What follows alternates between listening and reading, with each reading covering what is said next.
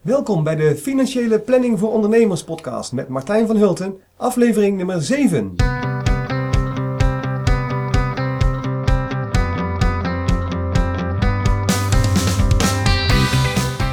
Ben je al jarenlang ondernemer? Net gestart? Of heb je plannen om voor jezelf te beginnen? In deze podcast krijg je informatie over alle mogelijke zaken waar je als ondernemer tegenaan loopt. Ik ben Martijn van Hulten, financieel planner en belastingadviseur en zelf al ruim 13 jaar ondernemer. Welkom allemaal bij weer een nieuwe aflevering van de Financiële Planning voor Ondernemers podcast. Op het moment dat ik dit opneem is het 5 maart en uh, maart is traditioneel natuurlijk in Nederland de, aan, de aangiftemaand, de maand waarin we onze aangifte inkomstenbelasting moeten inleveren. Tenminste, dat geldt voor de meeste particulieren, maar ook veel ondernemers proberen om hun aangifte voor 1 april in te dienen, omdat ze dan gegarandeerd voor 1 juli uh, het geld terugkrijgen als ze daar recht op hebben. Nou, dit jaar is het voor het eerst eigenlijk dat die aangiftetermijn een stukje is opgerekt. We mogen nu ook april nog gebruiken voor het indienen van de aangifte. Alleen dan wordt niet gegarandeerd dat je voor 1 juli je geld krijgt. En dat kan natuurlijk nadelig zijn, want na 1 juli begint de Belastingdienst rente te berekenen over bedragen die ze nog te goed hebben. Zoals je wellicht gehoord hebt, zullen dit jaar een, uh, veel mensen een negatieve ervaring hebben als ze hun aangifte invullen, want er zal, uh, in veel gevallen zal er een aanslag volgen. Er zullen een aantal enkele miljoenen mensen die normaal gesproken geen belasting bij hoeven te betalen, uh, zullen toch nu wel belasting moeten betalen. Of veel minder terugkrijgen dan ze in eerste instantie of dan ze normaal gesproken gewend zijn. De reden waarom dat zo is, is omdat de heffingskortingen die iedere Nederlander heeft, die je krijgt, dus het bedrag van de belasting dat je niet hoeft te betalen, dat, uh, dat bedrag dat wordt altijd verwerkt in de, in de tarieven voor de loonbelasting. Daar zijn tabellen voor en alle loonsoftware, dus uh, alle software waar, waarmee loonadministraties worden uitgevoerd, daar zitten die tabellen in. En in 2013, in het eind, aan het einde van het jaar, zijn er nog aanpassingen geweest in die heffingskortingen. Als gevolg van al die akkoorden die gesloten zijn. En daardoor zijn die, uh, die, die heffingskortingen die zijn verlaagd. En die, maar die verlagingen die zijn niet meer in die loonbelastingtabellen verwerkt.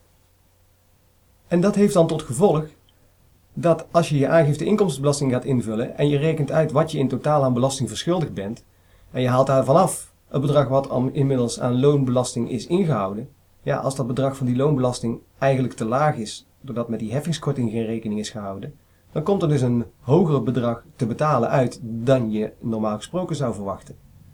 En dat is een, een, een nou, nogal een, een domper, denk ik, voor veel uh, mensen. Daar is in de pers nogal het nodige over te doen geweest en de regering heeft daarom besloten om in ieder geval iedereen die een bedrag aan inkomstenbelasting of zorgverzekeringswetpremie moet gaan betalen over 2014, om die vier maanden uitstel van betaling te geven. En dat is dan een renteloos, renteloos uitstel van betaling. Dus dat betekent dat als je straks een aanslag krijgt in juli of augustus waar je belasting op moet betalen, dat je dan bovenop de zes weken die je normaal gesproken als betalingstermijn al hebt, nog vier maanden extra de tijd krijgt. Je hoeft daar verder niks voor te doen. Je hoeft geen verzoek in te dienen of zo, of te bellen met de belastingtelefoon. Als je recht hebt op, die, eh, op dat uitstel van betaling, dan krijg je een brief van de Belastingdienst waar dat allemaal in beschreven staat. Nou, bij het bekendmaken van dat generiek uitstel van betaling is nergens gesproken over de lagere opbrengst voor de schatkist. Terwijl je zou verwachten dat dat toch een behoorlijke impact uh, moet hebben op het moment dat de Belastingdienst eigenlijk alle belastingbedragen vier maanden later krijgt dan ze normaal gesproken gewend zouden zijn. Dus het is op zich wel vreemd dat daar over die inkomstenderving verder nergens wordt gesproken. En bovendien zou het best zo kunnen zijn dat de economische schade van deze hele actie nog veel en veel groter is dan het, het rentenadeel wat eh, de fiscus heeft. Want met die belastingaanslagen eh, is het namelijk zo dat veel mensen dat zien als een, een soort meevaller, een extraatje. Dus als ze hun aangifte indienen, normaal gesproken krijgen ze uh, een bepaald bedrag terug, dan hebben ze vaak, gebruiken ze dat bedrag bijvoorbeeld om extra uit te geven aan hun vakantie of om uh, grotere uitgaven te doen waar ze al een tijd lang uh, naar uit aan het kijken zijn, bijvoorbeeld een nieuwe televisie of een, een, een nieuwe computer. En de, de vraag is dus, als dit soort bedragen nu niet terugkomen of veel lager terugkomen, of dat dan niet tot gevolg heeft dat mensen uh, die uitgaven niet gaan doen. Het is een bekend uh, fenomeen dat als je uh, gaat winkelen en je hebt de dag ervoor 200 euro teruggaaf van de belasting ontvangen, dat dan de kans groot is dat je meer uitgeeft dan wanneer je een dag tevoren had ontdekt dat je nog ergens 200 euro op een spaarrekening had staan die je was vergeten. En dat is een, een psychologisch effect eh, namelijk dat mensen blijkbaar meevallers, als ze het als een meevaller zien, dat ze dat dan sneller uitgeven dan eh, bedragen die ze in de loop van de tijd gespaard hebben. Nou, zo'n belastingteruggaaf is natuurlijk eigenlijk helemaal geen meevaller, want het heeft gewoon te maken met het bedrag wat je door het jaar heen al hebt betaald uh, in de vorm van loonbelasting die wordt ingehouden op je salaris. Of voor, werk, voor, uh, voor, voor, ondernemers bijvoorbeeld een voorlopige aanslag die ze betaald hebben. Ja, als, je, als de hoogte van die voorlopige aanslag, als die niet klopt, hè, dus als die dus uh, te hoog is, dan heb je door het jaar heen te veel betaald. En dan krijg je uiteindelijk, als je je aangifte inkomstenbelasting indient, krijg je daar een bedrag van terug. Maar dat is natuurlijk geen voordeel, dat is gewoon geld wat je, wat je in eerste instantie te veel hebt betaald. Maar goed, Blijkbaar speelt dat psychologisch anders en um, het zou dus best wel eens kunnen betekenen dat die uh, naheffingen uiteindelijk ertoe gaan leiden dat er in de winkels veel minder bestedingen zullen zijn in, het, uh, in de zomerperiode. En met name denk ik dat ondernemers die meer uh, luxe goederen verkopen, dat die daar ongetwijfeld last van zullen krijgen. Maar ook bijvoorbeeld de toeristische industrie, omdat toch veel mensen die belastingteruggaaf gebruiken als een soort aanvulling op hun uh, vakantiegeld. En uh, ja, dat, dat daar uiteindelijk uh, aan willen besteden. Nou is psychologie van geld is toch een erg interessant fenomeen. En daar wil ik eigenlijk deze aflevering van de Financiële Planning voor Ondernemers podcast wat aandacht aan gaan besteden. Stel je voor, je gaat naar het Concertgebouw in Amsterdam. Je hebt een kaartje gekocht daarvoor al, voor 20 euro, en dat kaartje dat stop je in je zak. En je neemt ook nog een los briefje van 20 euro mee om uh, in de pauze wat lekkers van te kunnen kopen. Als je bij het concertgebouw aankomt, dan ontdek je dat je onderweg ergens dat kaartje bent verloren. En er zijn nog wel kaartjes aan de kassa. Dan kun je voor 20 euro kun je, kun je daar alsnog een kaartje kopen. Wat zou jij nou doen? Zou je die 20 euro gaan betalen voor een nieuw kaartje? Ze hebben daar onderzoek naar gedaan en het blijkt dat slechts 46% van de mensen die voor deze keuze komt te staan, op dat moment een nieuw kaartje koopt.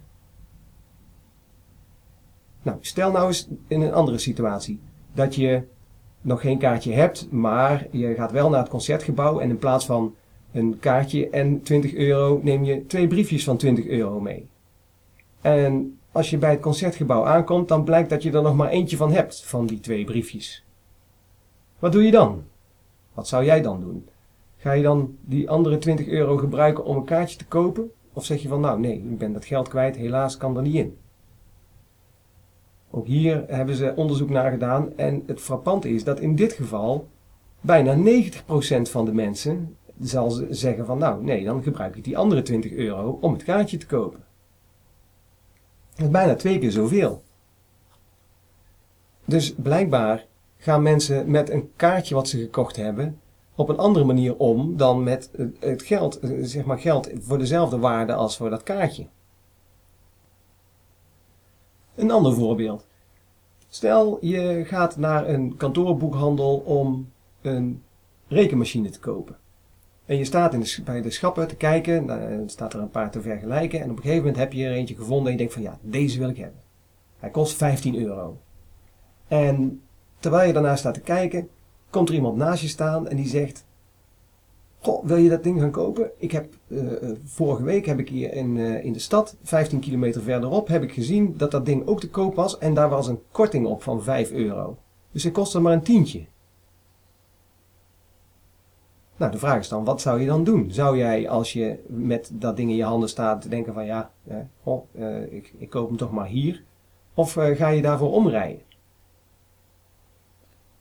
En wat zou je dan in een vergelijkbaar geval doen als je in een kledingwinkel staat en je hebt een jas van 130 euro in je handen? En er komt iemand naast je staan en die zegt: Goh, ik heb in een winkel 15 kilometer verderop heb ik diezelfde jas gezien en daar kostte die maar 125 euro. Scheelt ook 5 euro. Wat zou je dan doen?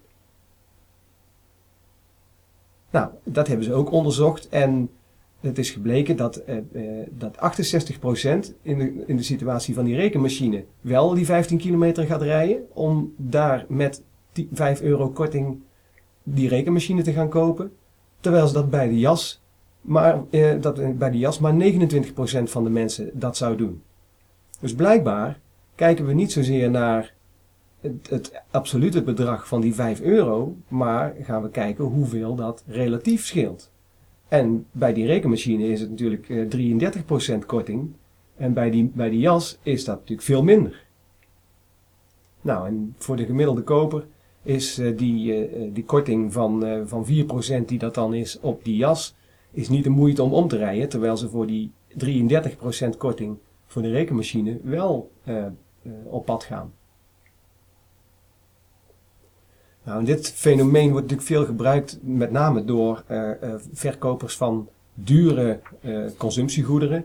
Hè, ga maar na, als je een, een, een keuken gaat kopen, dan, dan is de kans groot dat als je op een gegeven moment besloten hebt welke keuken het gaat worden, dat je dan heel makkelijk ver, verleid wordt om nog weer iets extra's te kopen. En of dat dan 100 of 200 of 300 euro kost, op, een, op een uitgave van een paar duizend euro wordt dat heel makkelijk meegepakt. Terwijl als je in werkelijkheid, als je, zon, als je die keuken niet zou kopen, dan zou je niet zomaar die 100 of 200 of 500 euro uit gaan geven. Dus dat, heeft een, eh, een, een, dat is een psychologisch effect wat, uh, uh, wat gebruikt wordt, met name ook bij, door verkopers van duurdere spullen. Deze leuke voorbeelden komen uit een boekje dat ik hier heb. En dat boekje heet Psychologeld. En dat is geschreven door Anna Dijkman en Chris Sade. Die hebben dat in 2011, uh, althans dit, dit boekje is uit 2011. En uh, die beschrijven een heel hoop psychologische effecten die spelen als het over geld gaat. Als je op onze website naar www.vanvucht-vanhulten.nl slash boeken gaat, dan uh, vind je daar een uh, link naar dit boek op bol.com. En uh, als je het zou willen bestellen, dan kun je deze link gebruiken. En dan krijg ik daarvan nog een commissie van bol.com. Dus dat is op zich wel een, een, een, grappige bijkomstigheid. Dat is trouwens sowieso een leuke manier om als ondernemer nog wat extra geld te kunnen verdienen met je website. Uh, maar daar zal ik in een latere aflevering uh, van de Financiële Planning voor Ondernemers podcast nog wel eens uh, wat uitgebreider aandacht aan besteden. Nou, waar gaat dat boek nou over? In dat boek beschrijven ze allerlei fenomenen die in de loop van de eeuwen in de psychologie zijn beschreven. En financiële planning, mijn vak, dat speelt zich eigenlijk af op het snijvlak van de economie en de psychologie. Nou, ik vind dat echt waanzinnig interessant, want ik, ben, uh, ja, ik vind het heel interessant om te kijken van wat beweegt mensen nou om, op, om bepaalde keuzes te maken of bepaalde keuzes juist niet te maken. En ik zal een paar dingen uit het boek uh, zal ik, uh, beschrijven, omdat dat fenomenen zijn waar volgens mij bij heel veel van mijn klanten en bij heel veel luisteraars ook die daar van toepassing zullen zijn. Stel, je krijgt eh, de keuze tussen twee mogelijkheden om een geldbedrag te winnen. Ofwel, je, krijgt, uh, je hebt 80% om 4000 euro te krijgen en 20% kans dat je niks krijgt. Of je krijgt gegarandeerd 3000 euro. Nou, wat zou jij nou doen in die situatie? De overgrote meerderheid van mensen blijkt uit onderzoek kiest dan voor de gegarandeerde 3000 euro. Terwijl als je het realistisch berekent, dan zou je zeggen dat je met 80% op 4000 euro eigenlijk een, eh, een kans hebt op uh, een potentiële uh, winstkans van 3200 euro. Stel nou dat je nog een keer moet kiezen, maar nou moet je geld betalen. Ofwel, je krijgt 80% kans dat je 4000 euro moet betalen en 20% kans dat je helemaal niks hoeft te betalen. Of je moet gegarandeerd 3000 euro betalen. Nou, als die situatie aan mensen wordt voorgelegd, dan kiest bijna iedereen voor de eerste mogelijkheid, namelijk de kans van 20% dat ze uiteindelijk niks hoeven te betalen. Terwijl ook daar geldt dat het potentiële verlies ook weer 3200 euro is als je het wiskundig uitrekent. Nou, dat, dit eh, fenomeen wordt verliesaversie genoemd. Mensen hebben er een hekel aan om uh, verlies te lijden. En ze zijn dus eerder bereid om ergens mee te blijven zitten dan dat ze uh, actief iets gaan doen om het verlies te stoppen en om naar een beter product te gaan of een, een andere mogelijkheid waarbij ze geen verlies hebben of minder kans op verlies.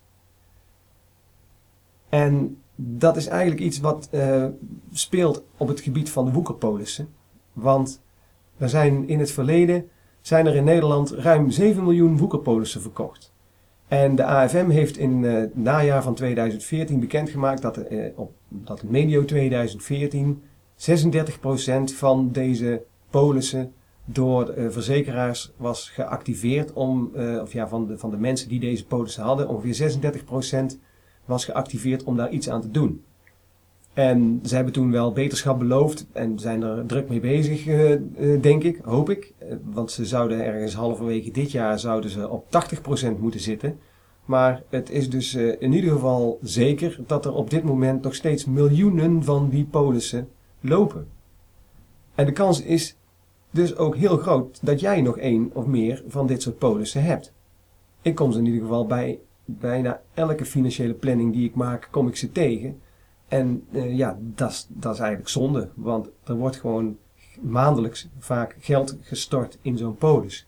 Terwijl je gewoon weet of ervan uit moet gaan dat het uiteindelijk niks oplevert. Sterker nog, de kans is groot dat je uiteindelijk minder terugkrijgt dan je inlegt. Nou, en zeker in een periode dat veel ondernemers echt moeite hebben om de eindjes aan elkaar te knopen. En jij misschien ook probeert om op allerlei manieren binnen je bedrijf uh, kostenbesparingen te bereiken dan is het toch niet echt handig om privé op deze manier elke maand geld door het putje te spoelen. En, en zeker als je nu weet dat je wellicht wordt gehinderd door psychologische blokkades, ja, dan zou ik toch zeggen van uh, doe er nou iets aan en onderneem actie. Ook al weet je dat je misschien in uh, psychologische blokkade zit, dat je liever blijft zitten in wat je hebt dan dat je moet gaan, uh, actief iets moet gaan doen om iets anders te krijgen. Dus ik zou adviseren, ga naar de website van de Consumentenbond en kijk wat je kunt doen met je woekerpolis. Zij beschrijven wat woekerpolissen zijn. Ze leggen uit welke actie je zou kunnen ondernemen om de schade die in het verleden is geleden, om die terug te draaien. En ze beschrijven ook wat je kunt doen of adviseren over hoe je om zou moeten gaan met je polis op dit moment. Want het, is gewoon zonde om daar gewoon maand in, maand uit geld in te blijven steken. Maar je kunt natuurlijk ook contact met ons opnemen. Wij kunnen aan de hand van een financiële planning kunnen wij prima in kaart brengen wat de, een, beter, beter alternatief zou zijn voor je woekerpolis. En dat kost dan wel wat geld, maar bij woekerpolissen blijkt dat je dat eh, op termijn in alle gevallen gewoon ruimschoots terugverdient. Dus als je je afvraagt of je wel een uh, woekerpolis hebt, bel dan gerust met ons of mail. Stuur een scan van de polis en uh, van het overzicht wat je uh, krijgt aan, aan waardeoverzicht van de, van de verzekeringsmaatschappij. En dan kunnen we heel snel zien of dat zoiets een woekerpolis is. En of het zinvol is om daarover, daarvoor een afspraak te maken om uh, te kijken wat de alternatieven zouden zijn. De tip van de week komt ook uit het boek Psychologeld. En uh, die is namelijk om één keer per jaar de bezem door je financiën te halen. En misschien is uh, de, de aangifteperiode, de tijd dat je toch gaat zitten om je aangifte inkomstenbelasting te maken, is misschien wel een heel goed moment om dat een keer te doen. Plan dan een keer een, uh, één keer per jaar een, een dag om, om je financiën door te nemen. En kijk dan bijvoorbeeld of zo'n verzekering nog wel echt nodig is. Heb je geen, de verzekeringen die je afgesloten hebt, is dat risico wel zo groot dat je daar een verzekering voor nodig hebt? Of zijn er misschien geen goedkopere verzekeringen? Je kunt heel makkelijk overstappen bij verzekeringen ook. Uh, maar en datzelfde geldt bijvoorbeeld voor spaarrekeningen.